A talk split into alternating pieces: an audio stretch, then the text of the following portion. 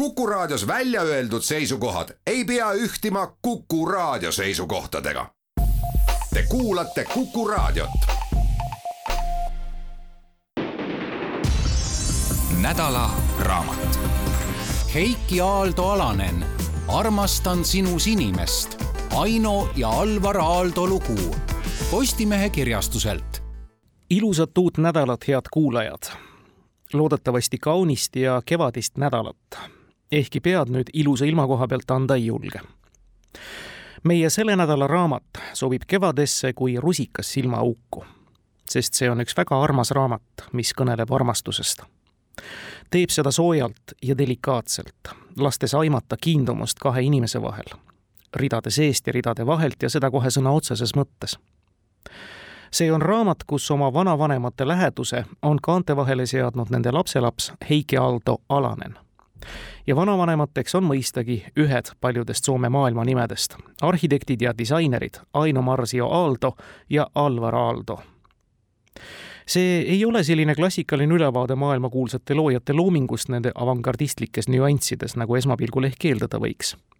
sest see ei olnud ka autori eesmärk ja pealegi neid teoseid, mis on Aaldo loomingut tutvustamas, on ilmunud küll ja veel monograafiaid ja muid käsitlusi see pole piltlikult öeldes ka armastusest lääge ja nõretev tunnete tulv, milliseid võiks ka õrna hingega loojate kirjavahetusest mõni ehk eeldada. ja huvitaval kombel pole see ka päris klassikaline eluloo raamat, milliseid on ka mõlemast Aaldost ilmunud.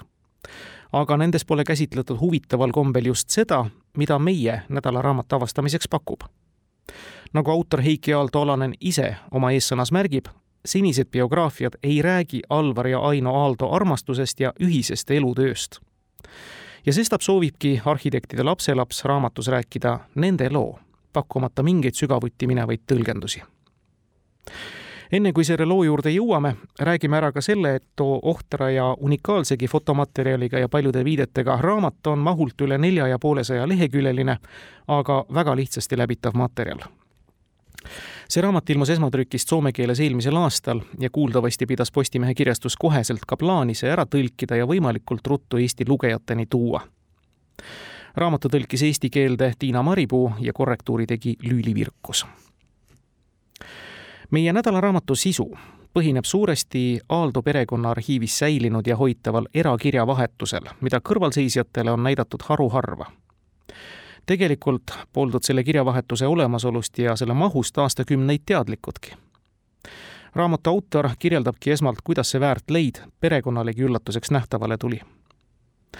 Alvar Aaldo lahkus siit ilmast aastal tuhat üheksasada seitsekümmend kuus ja tema teine abikaasa Elissa Aaldo aastal tuhat üheksasada üheksakümmend neli pärast proua surma jäi Aaldo maja Helsingis Munkiniemis Alvar Aaldo fondi käsutusse Aaldo tütar Johanna ühes oma poja ehk meie nädalaraamatu autoriga olid tollesama üheksakümne neljanda aasta suvel Aaldo maja koristamas ja korda tegemas ning sattusid ka selle pööningule. ja nüüd tsiteerin.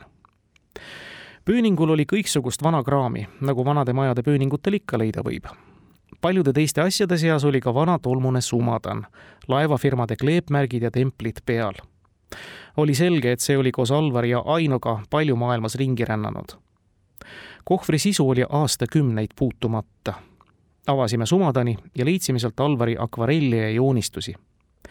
veel oli seal vanu joonistusblokke, selliseid nööriga kinni seotud A3 suuruses pruune pappmappe. mu ema tegi ühe mappidest lahti ja hakkas seda läbi lehitsema. kuulsin, kuidas ta sügavalt hinge tõmbas ja läksin vaatama, mida ta oli leidnud mapis olid hariliku pliiatsiga tehtud joonistused tema emast Ainost surivoodil jaanuaris tuhat üheksasada nelikümmend üheksa ema vaatas sõnatult üht joonistust teise järel, pisarad silmis. Alvari tundliku pliiatsi ja joonega tehtud joonistusi oli üle kümne. tsitaadi lõpp ja sealsamas oli ka säilinud ka nende kirjavahetus ning erinevad tšekid ja piletid ning muud tõendid kunagistest reisidest ja peatumistest Euroopa ja maailma eri linnades, milledest osad muide on ka raamatus illustratsioonina välja toodud. no näiteks üks Veneetsia San Marco lähedasest hotellist, mille tahaküljele on Alvar Aaldo visandanud oma käega ühe nähtud hoone ja see kõik, mille Heiki on siis oma vanavanematest raamatusse talletanud, see kõik on tehtud väga hoolika valiku tulemusena, sätitud ilusti aegritta ja väga täpselt doseerituna, mis autori sõnul on kultuuriajalooliselt ja inimlikult tähtis, sest nad räägivad Aino ja Alvari sõnadega, milline oli selle erilise paari kooselu argipäev ja mis neid mõtlema ja muretsema pani.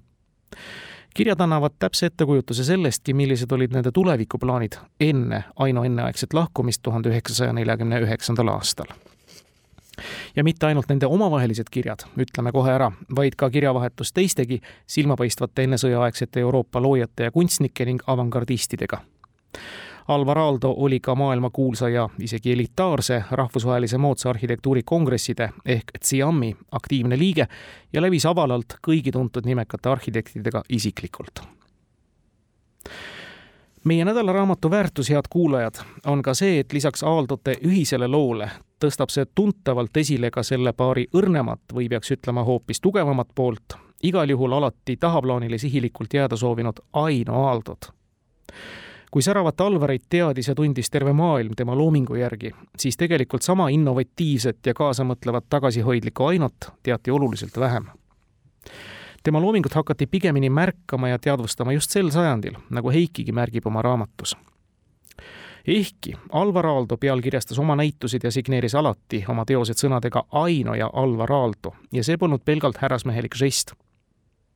Nende tugeva ja vankumatu abielu vundamendiks oli õpinguaegadest saadik koostöö ja ühine eesmärk aga nende tegelik saladus tundub olevat see, et inimestena olid nad täiesti vastandlikud ja samal ajal tasavägised, vahendatakse meile raamatus ja see sõna tasavägine pole nüüd päris õige tõlge või nimetus sattunud. Siin peetakse ikka silmas pigem tasakaalustajat. aga jätkame. Alvar Aalto on rahutu, pulbitsev ja ettearvamatu, Aino aga intensiivne, visa ja vaikne, just nagu otse Kalevalast. on hea, kui ümber vulkaani voolavad tasased veed Aino nimi jääb elama Alvar Aalto loomingus. Alvar kirjutas Aino nime alati ettepoole enda omast, kuigi Aino ei väsinud kordamast. mina ei ole loov, tema on. ta hoidus alati tahaplaanile, kui sealt avanesid avarad perspektiivid. Alles väga pika pärimise peale olla ta vahel rehmanud, et on jah, noh, minu looming.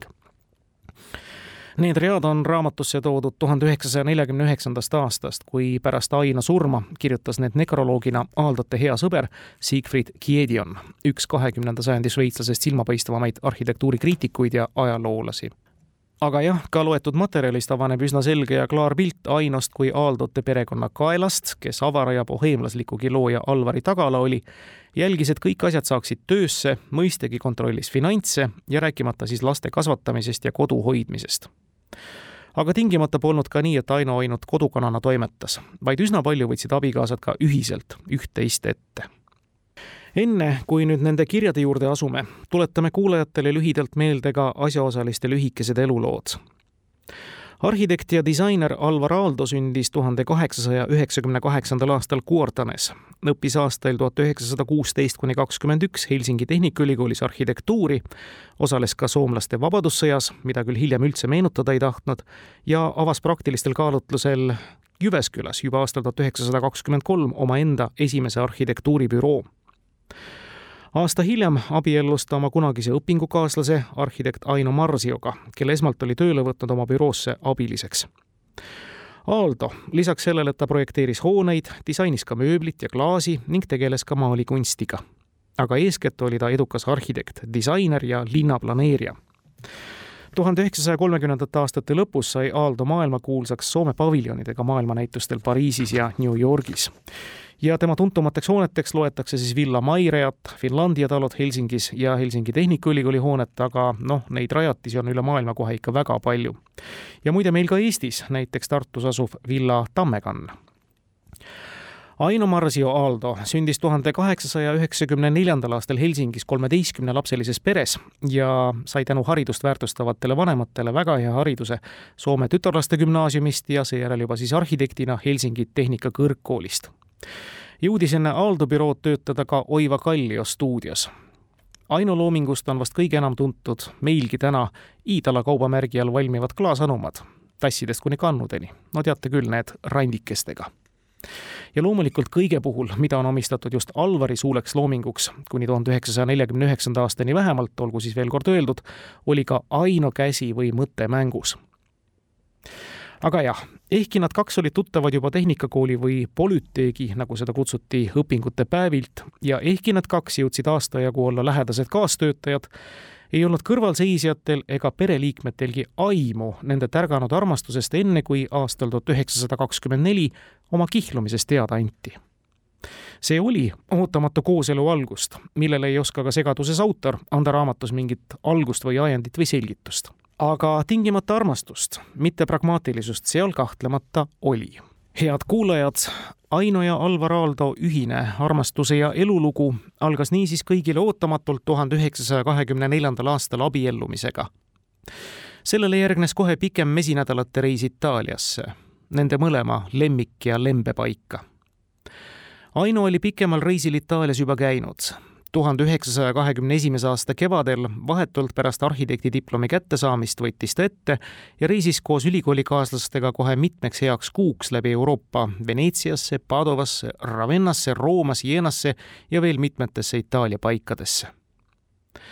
raamatu autor Aino lapselaps on sellegi reisi lugejatele kenasti rekonstrueerinud, abiks Aino tihedad kirjad ja postkaardid kodustele ja samas tehtud ka paljud fotod pildistamine oli Ainole väga tõsiseltvõetav hobi ja ka töö ning ka mitmetel hilisematel kohtumistel ja reisidel läinud arhitekti silm särama, kui ta sai kellegiga oma fotograafia kirge jagada. tollest kahekümne esimese aasta reisist torkavad kirjadest küll silma üsna tavapärased Aino argimured pidevalt otsa saava rahaga ja kärsitus kodunt vastusena liiga harva tulevate kirjade pärast aga väga ilus ja ülevaatlik lugemine on see siiski, manamaks silme ette elu näiteks sõjajärgselt Saksamaal, sest sealtki viis teekond läbi. nagu järgmised read osundavad. meile on Berliin jätnud oivalise mulje. ilmad on olnud head ja siin on väga soe. puud on suures lehes ja muruplatsid rohetavad. tänavad on esmaklassilised, täiesti siledad, laiad, autod kihutavad sinna ja tänna kui tahad mõnest suuremast tänavast üle saada, tuleb kogu julgus kokku võtta ja siis väga külmalt keset kihutamist astuda. kui ootama jääda, siis jäädki ootama. ja meenutame, see on siis aastast tuhat üheksasada kakskümmend üks. erialaseid tähelepanekuid me nendest Aino reisikirjadest ei leia küll aga juba kahe noore armunu käigust samadesse paikadesse aastal tuhat üheksasada kakskümmend neli. ja seda juba ka siis joonistatud ja pildistatud tähelepanekute vormis muide, väärib märkimist, et noored alustasid teekonda lennureisiga läbi Tallinna. noil aastatel oli lennukiga lendamine väga, no kohe ikka väga kallis lõbu. kui kordki oled sattunud Itaalia väikelinnade lummusse, kui oled kordki tundnud seda täiuslikkuse tunnet, mis vähemasti mind valdab, kui mälupildid Cagnesi, Bergamo ja Fiesole nõlvadest oma peidupaikadest esile kerkivad, rändajale jääb igaveseks ajaks vereringesse omalaadne batsill ja tolle põhjustatud haigus on pikk ja raskekujuline, õhkas Alvar tol samal aastal pärast reisi.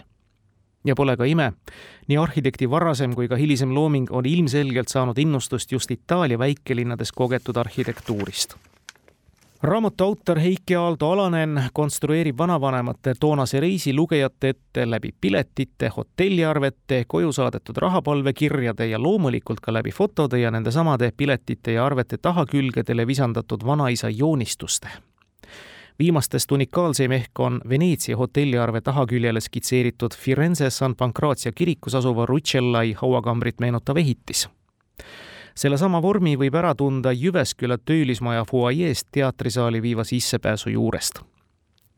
niisiis jõudis juba värske idee ka ehitusjärgus olevast töölismajast teoks saada. olgu öeldud, et too töölismaja Jyväskylas oligi noore arhitekti esimesi suuri töid, mille ta jõudis just enne pulmareisi töösse anda aga tolle retke osas palub jah, autor eeskätt mõistatada, mida pulmareisilised Veneetsias tegid kuid ehk ei jää me tõest väga kaugele, kirjutab ta, kui kujutleme neid armunutena käsikäes ringi jalutamas ja Veneetsia lossi arhitektuuri ning Püha Markuse kirikut uurimas, aeg-ajalt istumas Grand Cafe Quiidris või Florianis kohvi joomas, nagu Marcel Proust paarkümmend aastat varem. Pulmareisil tehtud joonistused tõestavad, et joonistusplokk oli neil kaasas ja seda kasutati usinasti kindlasti rääkisid Aino ja Alvar ka oma ühisest tööst, plaanidest ja armastusest ning sellest, mida tulevik nende jaoks võiks kaasa tuua. tsitaadi lõpp. see tulevik paistis ja ka sai ilus. tuhande üheksasaja kahekümne viiendal aastal, esimesel augustil sündis neile esimene laps, tütar, meie raamatu autori ema, ja õige pea kolis ka perekond juba Turusse. Jyvesküla oli neile lihtsalt väikeseks jäänud. sest juba olid Aaldod endale kõva tööga nime teinud, suured arhitektuurivõidud olid küll alles tulemas kahekümnendate lõpus ja kolmekümnendatel aastatel, kuid Jyväskylaski loodi aastatel tuhat üheksasada kakskümmend neli kuni kakskümmend seitse tohutu hulk erinevaid projekte. Üle kaheksakümne objekti, alates suurtest konkursitöödest nagu parlamendihoone ja Genfi Rahvasteliidu palee, kuni haiglate, vanadekodude, kirikute, üürimajade, erasuvilate, detailplaneeringute, bensiinijaamade, restoranide, interjööride ja ärisiltide ning mööblini välja ja ehkki paljud tööd teostumiseni ei jõudnud, on lugedes aimu saada, et tandemina lõi ambitsioonika Alvari pulbitsev loomiskirg iseäranis õitsele ja koos Ainoga töötades leitud uus töörutiin võimaldas bürool väsimatult uusi projektiettepanekuid toota. aga kõik need ideed jäid ilmselgelt provintsilinna või isegi linnakeste jaoks väikeseks nagu autor Haaldo Olanen märgib, nende enne funktsionalistlikku ärkamist tehtud töid iseloomustab sageli tugev Itaalia klassitsismi mõju, isegi nii suur, et mõne töö puhul tekib tunne, et need on siin karmis Põhjalas sattunud kohe väga valesse kohta. No näiteks Jämse tulekahjust hävinud kiriku asemele uue ehitamiseks esitati ka Alvarile kutse osaleda vastaval konkursil ja ehkki žürii tõstis Alveri projekti puhul esile selle esteetilist mõjukust ja suurepärast sobitumist maastikku, oleks tänapäeva arusaamiste järgi väga keeruline pidada õnnestunuks stiilipuhtalt Itaalia keskaegset traditsiooni ja renessanssarhitektuuri esindava kiriku ehitamist väikesesse Kesk-Soome olevikku aga toonastest õnnestumistest ja teostunud töödest tuleb kindlasti ära märkida just Turusse planeeritud Edela-Soome maarahvamaja ja oktoobris tuhat üheksasada kakskümmend seitse Viiburi uue linnaraamatukogu konkurssi.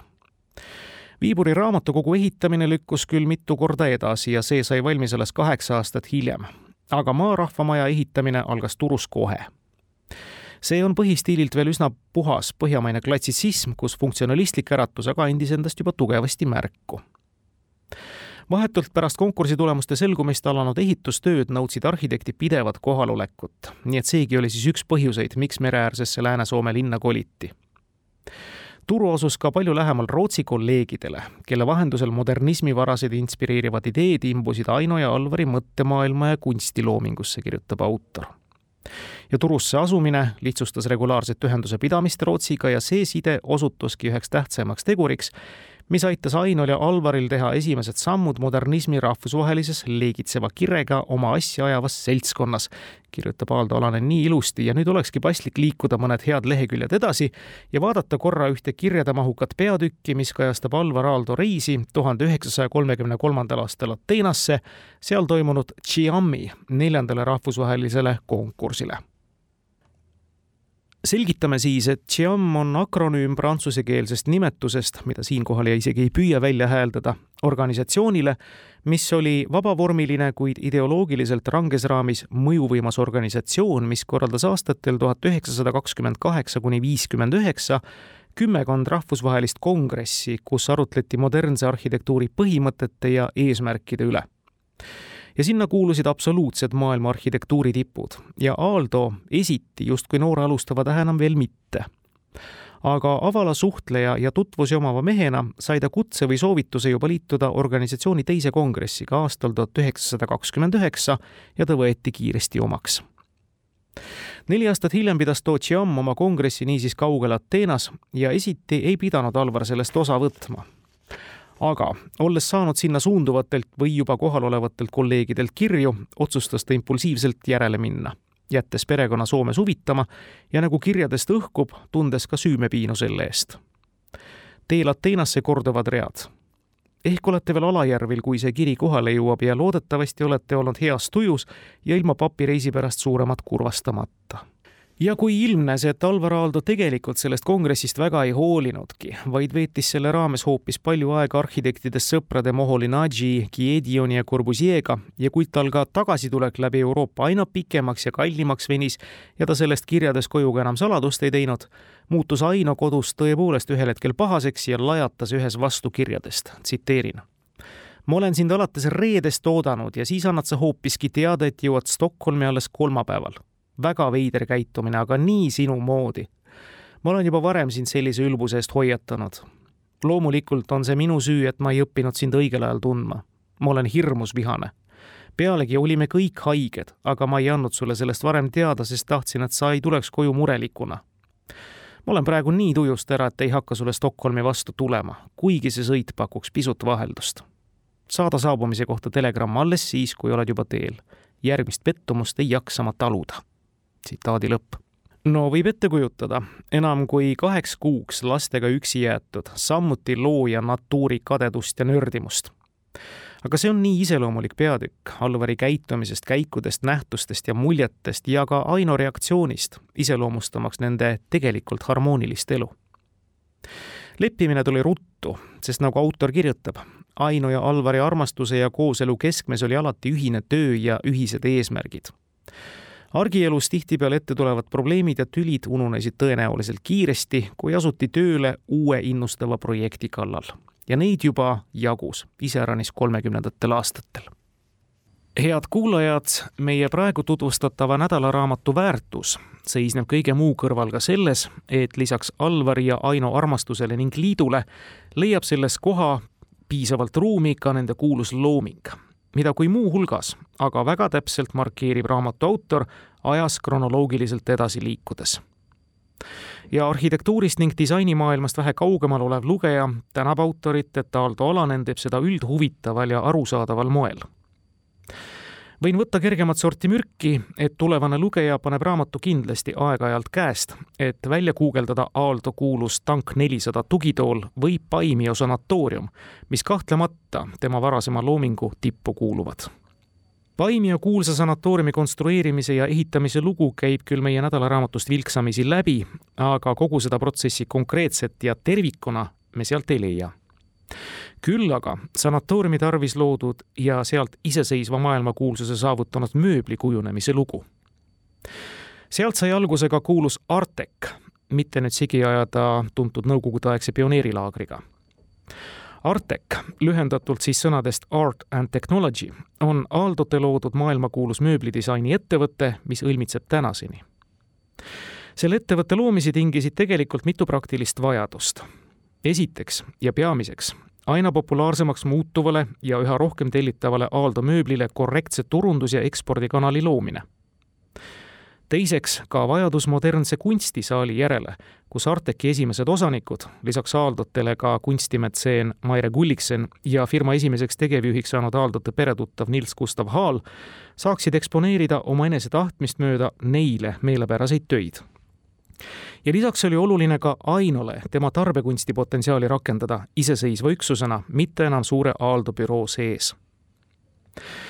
tollest esimesest ja olulisimast punktist alustades Alvar Aaldo mööbel ja uudne lähenemine materjalile, täpsemalt siis puidule, oli juba laia tuntust kogunud juba tuhande üheksasaja kahekümne kaheksandal aastal oli Alvar alustanud koostööd tislermeister Otto Korhoneniga, kellega katsetades leiti viis, kuidas painutada vormi pressitud puitu ja veneeri nõnda, et muuta mööbliesemete detailid painduvaks ja vastupidavaks.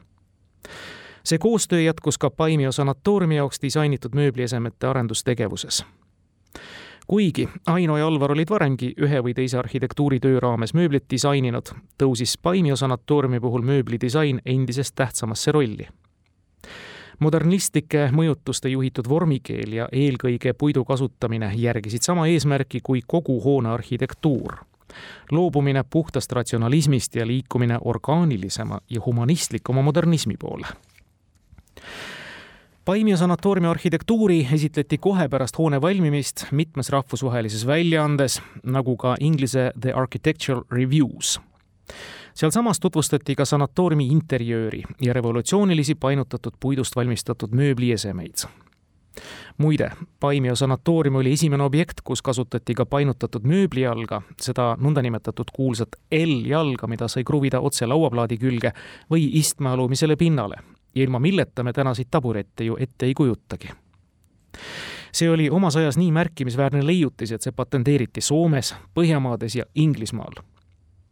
kogu mööbel pälvis rahvusvahelist tähelepanu, mis viis selleni, et seda hakati kolmekümnendate aastate algul müüma Soomest väljaspoolegi meie nädalaraamatust saame lugeda, et üheks väga oluliselt Aalto mööbli rahvusvahelist edu mõjutanud sündmuseks oli tuhande üheksasaja kolmekümne kolmanda aasta novembris Londoni suures ja uhkes kaubamajas Fortnum and Mason avatud Aino ja Alvar Aalto mööblit tutvustav näitus, mille nimi oli lihtsalt Wood Only ehk ainult puidust Alvar Aaldo oli juba varem kohtunud juba mainitud The Architectural Review'sse regulaarselt modernse arhitektuuri teemalisi artikleid kirjutava Philip Morton Shandiga, kes oli tuntud ja loetav ajakirjanik ja lisaks arhitektuurile kirjutas ka heast veinist ja toidust ning suuresti oligi Shandi idee korraldada Londonis too näitus ja hiljem hakata juba mööblit ka Inglismaale turustama.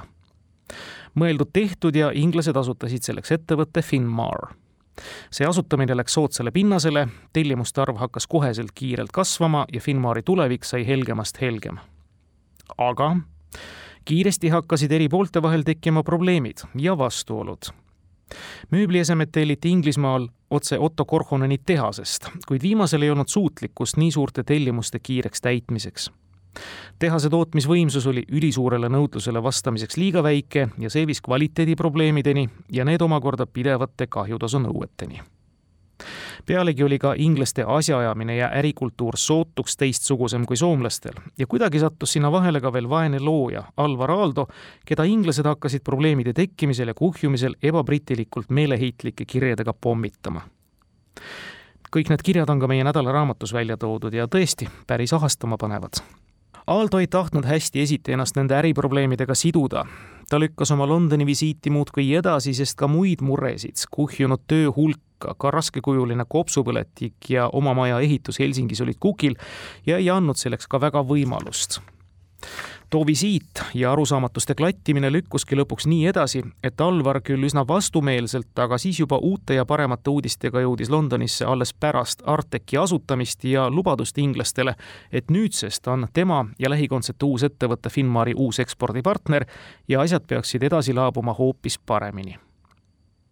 ah jaa, tegelikult eelnes Finnmarki asutamisele ja on ka meie nädalaraamatus eraldi peatüki saanud Aino õppereis Euroopasse, milles viimane soovis väga põhjalikult, pidades silmas uut laadi tarbekunstiettevõtte asutamist, tutvuda Kesk-Euroopas seal väljas oleva ja pakutava kraamiga.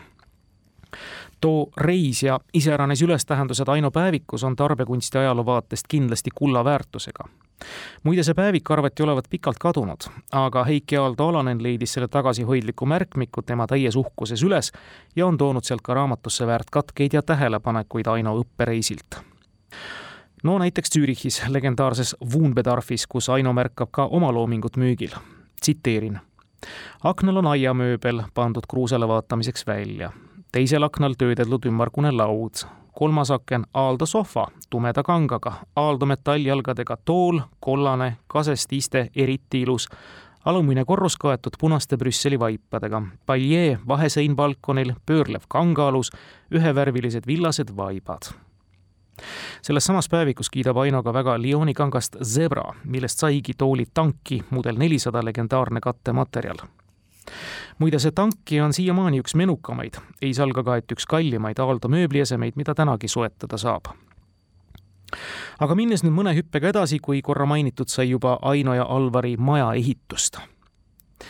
Kui veel eelmistes minutites mainisime Aaldo perekonna kolimist Turusse avaramate võimaluste leidmiseks ja otsimiseks, siis tegelikult jäädi sinna linna elama vaid paariks aastaks osalt ka majandussurutis, aga teisalt ikkagi aina suurem vajadus olla keskuses kas või suuremahuliste tellimuste pärast sundis Aaldoid, nad olid selleks hetkeks juba ka neljakesi, sündinud oli poeg Veiko, kolima Helsingisse. Nad kolisid pealinnas oma bürooga mõne aasta vältel mööda üüripindu, kuniks toona veel Helsingist välja jäänud Munki-Niemis leiti sobiv krunt ja Alvar sai projekteerima hakata elumaja ehitamine oli Alvar Aaldo jaoks igavene tehniline, psühholoogiline ja filosoofiline küsimus, mille üle ta lõputult mõtiskles ja mille juurde ta oma kirjutistes ja kõnedes ikka ja jälle tagasi pöördus alates kahekümnendaist aastatest kuni tuhande üheksasaja seitsmekümnendateni välja.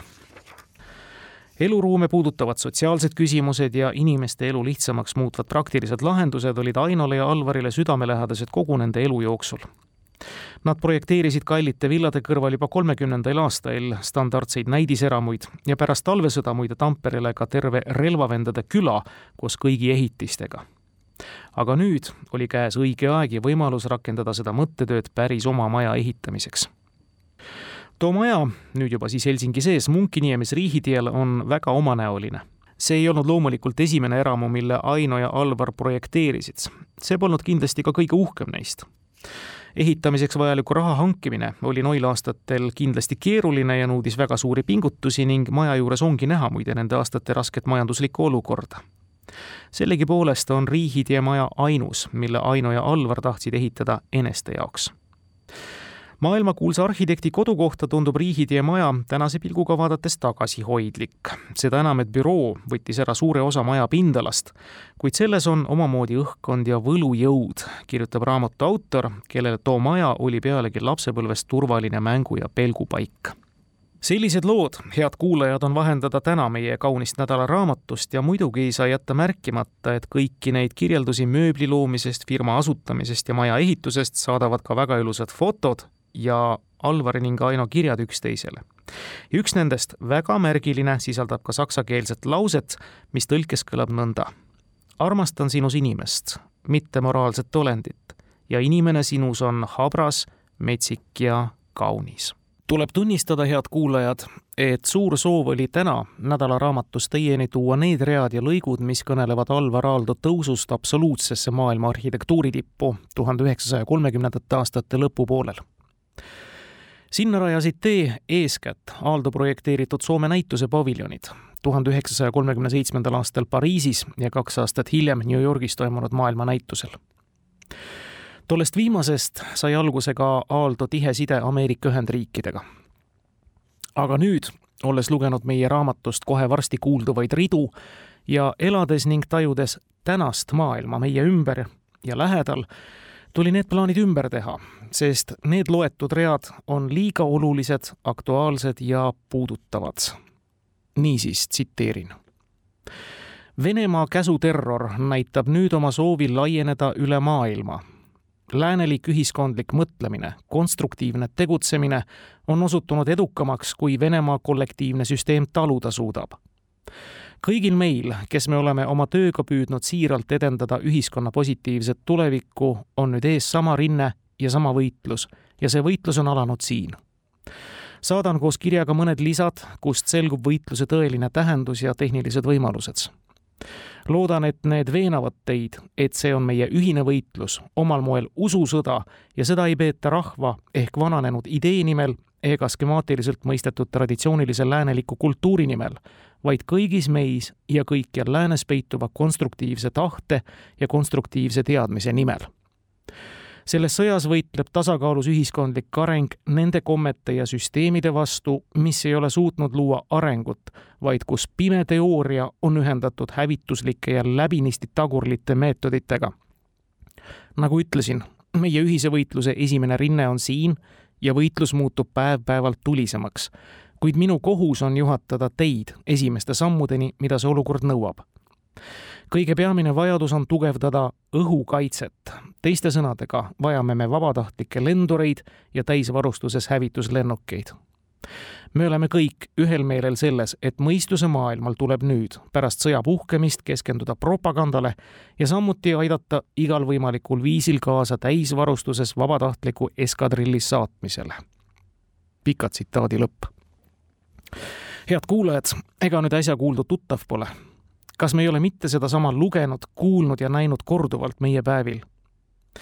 ja raamatust lugedes näis see kui sõna-sõnalt meie aja kangelase Volodõmõr Zelenski igapäevane läkitus maailma ühes abipalvetega.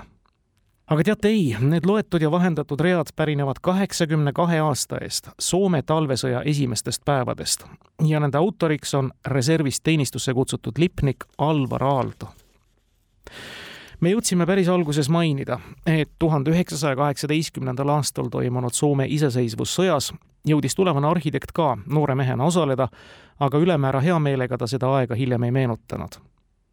kahekümnendate aastate alguses oli Aaldo läbinud ka reservohvitseride kursuse ja selle baasilt ta sõjakõmina kostudes teenistusse kutsutigi arvestades tema tausta ja tuntust, rakendati Alvar Aaldo Soome sõjaväe informatsiooniteenistuse ridu tugevdama ja taaskord, kui toome nüüd paralleeli tänasesse päeva, just uuemad uuringud on rõhutanud, kui tähtsaks peeti talvesõja ajal kultuuripropagandat. Tollal püüti leida kultuuriinimesi, kellel oli sidemeid välismaal ja kes võinuks kaasa aidata mitte ainult materiaalse abi, vaid ka nõndanimetatud goodwill'i ehk hea tahte või toetuse hankimisele selles mõttes olid Aino ja Alvar pärast oma tagasipöördumist Ameerikast ideaalsed propagandistid, sest neil oli sealsetes mõjuvõimsates ringkondades rohkesti sõpru ja veel palju tähelepanu äratanud New Yorgi maailmanäituse paviljongi oli endiselt avatud tegelikult tegutses Aaldo büroo juures juba tuhande üheksasaja kolmekümne üheksanda aasta sügisest alates. Riigi informatsiooniteenistuse omamoodi täiendus. küll mitteametlik, aga iseseisev büroo A, mille ülesandeks oli kasutada Soome toetamiseks sidemeid eelkõige Ühendriikidega. See büroo A keskendus sõja algul abipalvetele ja kannustas tuntud kultuuriinimesi Soome heaks tegutsema Alvari koostatud kontaktide loetelus on muljetavaldav hulk silmapaistvaid inimesi, ennekõike Ameerikast, aga loomulikult ka Rootsist, Prantsusmaalt, Šveitsist ja Inglismaalt. osad neist olid Aino ja Alvari isiklikud tuttavad, aga tolles nimekirjas on teisigi kultuurielu ja rahamaailma tippnimesid, kellega võeti abi saamiseks ühendust Ameerika Ühendriikide väärtuslikemate kontaktide hulka kuulusid kahtlemata pururikkad ja mõjukad Rockefellerid, kellega veel eelmisel suvel oldi USA-s kohtutud, kõneldud kaunitest kunstidest ja ühistest projektidest tulevikus. nüüd läkitas Alvar sinna telegrammi kirjutades. sest kõik meie klassid on ühendanud oma tahte ja meie saja tuhande järve moodustatud Maginot liin on parem kui mingi tehislik usun, et see on Ameerika ja Põhja-Euroopa ühine võitlus tasakaalus ühiskondliku arengu nimel.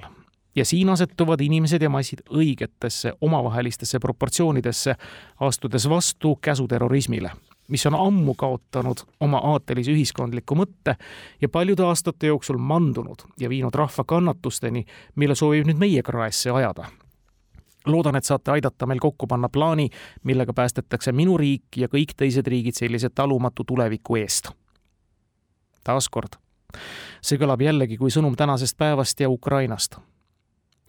nii nagu täna, nii teati ka siis tegelikult sõda karta. kas just sellisena ja selle agressori poolt, seda ei tea aga nendest ridadest, mis kõnelevad Pariisi kolmekümne seitsmenda aasta maailmanäitusest ja iseäranis kolmekümne üheksanda aasta kevadsuvest USA-s, on sõjapinget tunda ja tegelikult, nagu raamatu autor kirjutab, kaalusid Aino ja Alvar sõjaohu kasvades kindlasti ka tõsiselt, kas nemadki peaksid sõitma Rootsi ja sealt hiljem ehk koguni Ameerikasse. asja arutati ka sõpradega, kes juba võõrsil elasid. aga niipea, kui sõda puhkes ja Alvar sai kutse, jäeti need arutelud. Alvar Aaldo pani selga halli Soome sõjaväevormi ja läks. ja muidugi ei unustanud ta kirjutamast, armastamast ja kallistamast oma lähedasi olles küll võimalikult optimistlik.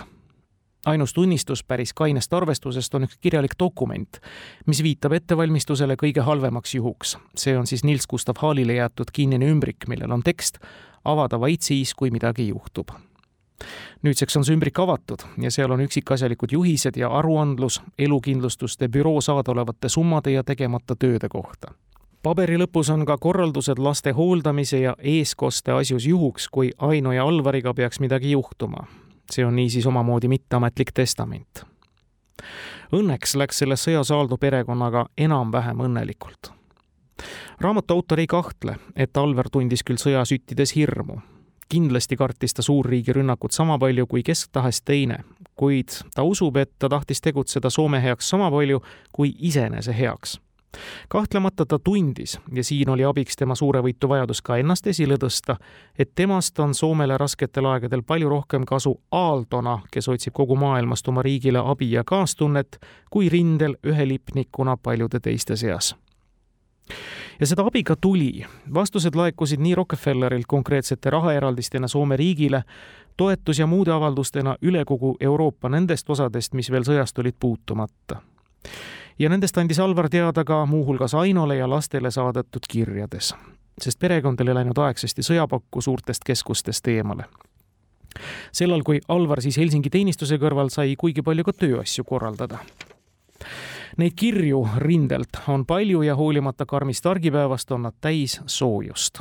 tsiteerin istun jälle siin Helsingi kandis, olen tööga hästi järje peale saanud Arteki töödega tuleb tasapisi otsad kokku tõmmata ja sain endale Sprengeri sekretäriks, võimalik, et teisigi, Haal muidugi esmajärjekorras. mõtted keerlevad vaid seal teie juures, kuidas saab elus midagi nii kaunist, armsat ja täiuslikku olla kui minu kolm armsat, Aino, Mossi ja Heiki. sain just su kirja Via Kuopio. tänan väga ja suure paki, Ameerika Posti ja telegramme ka kaastundekirju ja telegramme, muuhulgas Matt Josephilt, pikad kirjad Guttheimilt, Kälderilt ja teistelt. saadan need järgmise postiga sulle. loodan praegu, et olete rahulikud, heas tujus ja sellised tasakaalukalt toimekad, nii nagu see ilus vaimsus on, milles sina oled meie perre istutanud. armas väike, väike Aino. palju musisid igale poole ja musid meie toredatele vaesekestele, see on siis lastele. Teie kolme peale ma mõtlen kogu aeg. head kuulajad tõdedes arginädala lõpetuseks taas ajalis-ruumilisi kääre selles vaakumis, mida sisustamas meie füüsiline raamat ja raadioeeter, peame Aino ja Aaldo ühisest raamatust kõneledes taas mitu head peatükki jätma teie avastada. ehkki kange kiusatus oleks peatuda neist igaühel eraldi. kõneleda ja lahti selgitada näiteks Aaldote talvesõjale järgnenud jätkusõjaaegsed tegevused Alvari ootamatu USA-sse minek ja ka tänini veel vastuoluliseks käiguks loetav Aaldo visiit Natsi-Saksamaale keset suurt sõda Alvar jätkas niisiis teenistust sõdade aegu positiivses mõttes propagandistina, aga tema ja Aino erialane tegevus sai mõistagi kõva tagasilöögi nendel aastatel. nagu märgitud, ei jõua sellest kõigest üksikasjalikult kõneleda, seda enam soovitame siis lugeda sõja-aastatel sirgusid ka nende mõlemi lapsed. tütrest Hannust ehk Johannast sai kunstitudeng Uppsalas, emaga jäi kõrvale siis sirguma poeg Veiko ja meie raamatus sisalduvasse kirjavahetussegi hakkab siginema üha rohkem kirju tütrelt, kes Rootsist õpingutelt ja hiljem juba kodunt haige ema kõrvalt kirjutab. sinna ehk veel jõuame aga enne tahaks kindlasti ära märkida selle tunnetuse, et mida aeg ja aasta edasi, mida lehekülg edasi, seda tundelisemaks ja sügavamaks ja intiimsemakski Aino ja Alvari kirjad üksteisele muutuvad mis on paras ninanips, kui meenutada nende abiellumist tuhande üheksasaja kahekümne neljandal aastal, mis oli nii ootamatu, et paljud pidasid seda lihtsalt ratsionaalseks sammuks. oi ei, kirjadest vaatab vastu hoopis teine pilt ja mida küpsemaks kirjutajad muutuvad, seda rohkem nad üksteist igatsevad ja kiindumust üles näitavad. sõja-aastatel ja neljakümnendate aastate lõpus, kui teineteisest oldi rohkem rahus, kohe eriti Aino igapäevane töö Alvariga oli vähenenud juba sellegi tõttu, et tal tuli tegeleda ka Arteki, nende ühise tarbekunstifirma operatiivse juhtimisega. kuigi ta arutas Alvariga läbi kõik Arteki tähtsamad küsimused ja probleemid, kus ta tuge vajas, oli ühist projekteerimis- ja joonestamistööd endisest napimalt. Alvarist oli saanud või saamas see Aaldo, millesse koondusid hiljem paljud Aino ja Alvari koos loodud tööd sõda ja sõjajärgset ülesehitustööd peeti toonasele ajale omaselt rohkem meeste asjaks.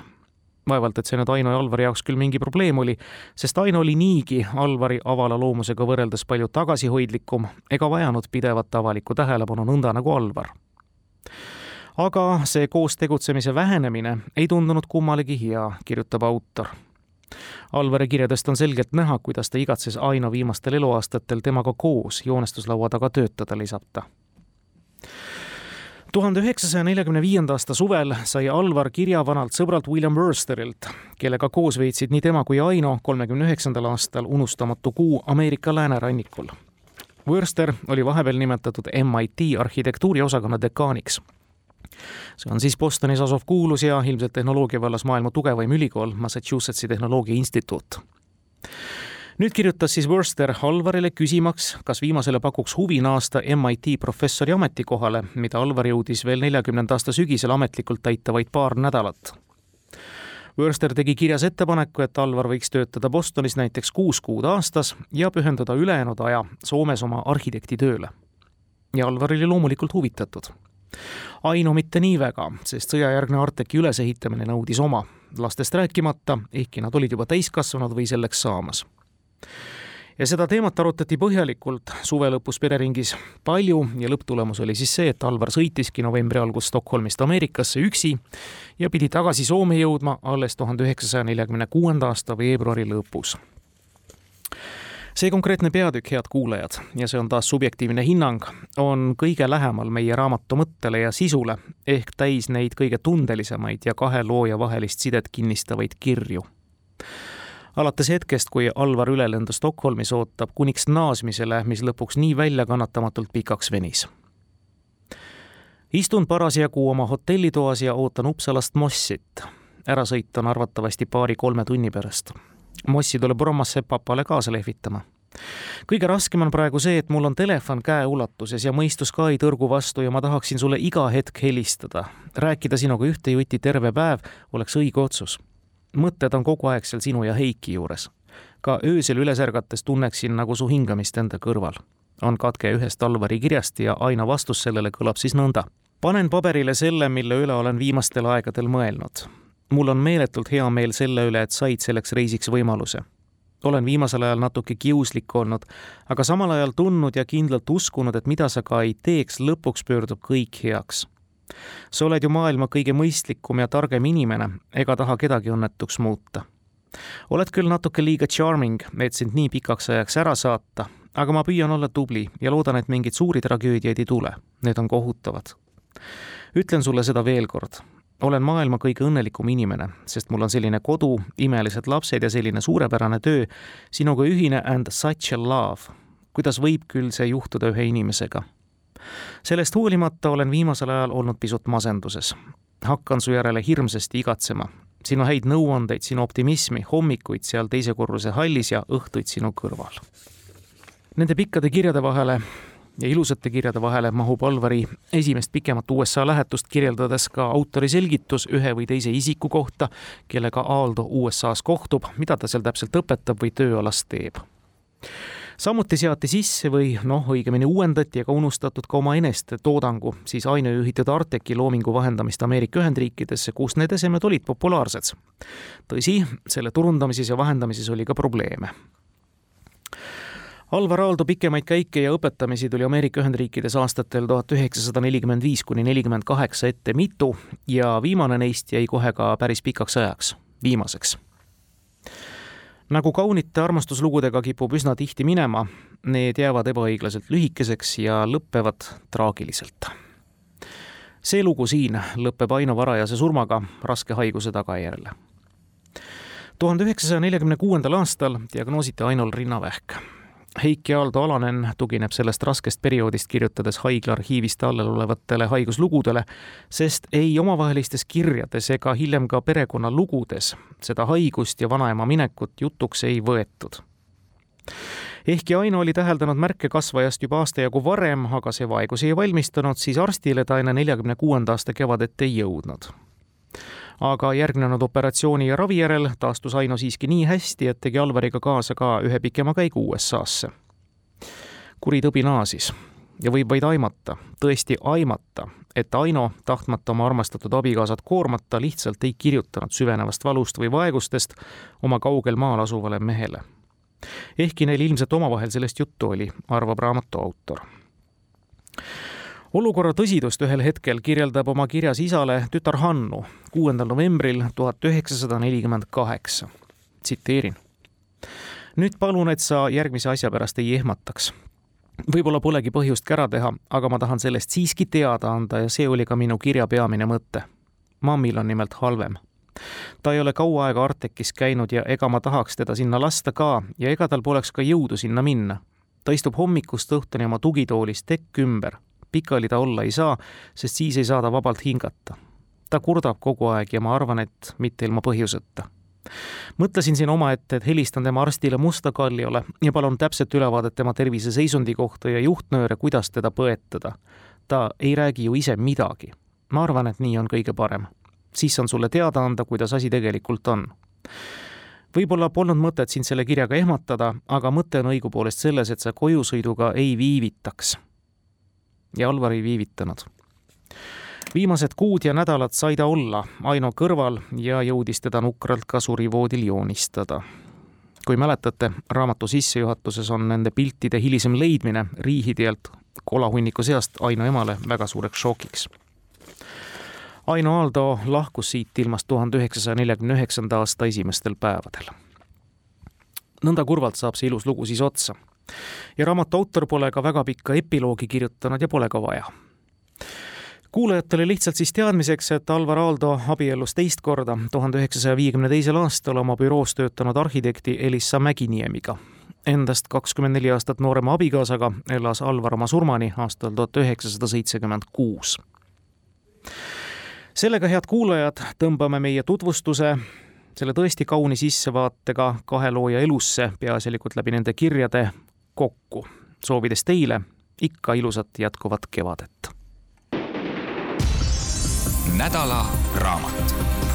Heiki Aaldo Alanen, armastan sinu sinimest. Aino ja Alvar Aaldo lugu Postimehe kirjastuselt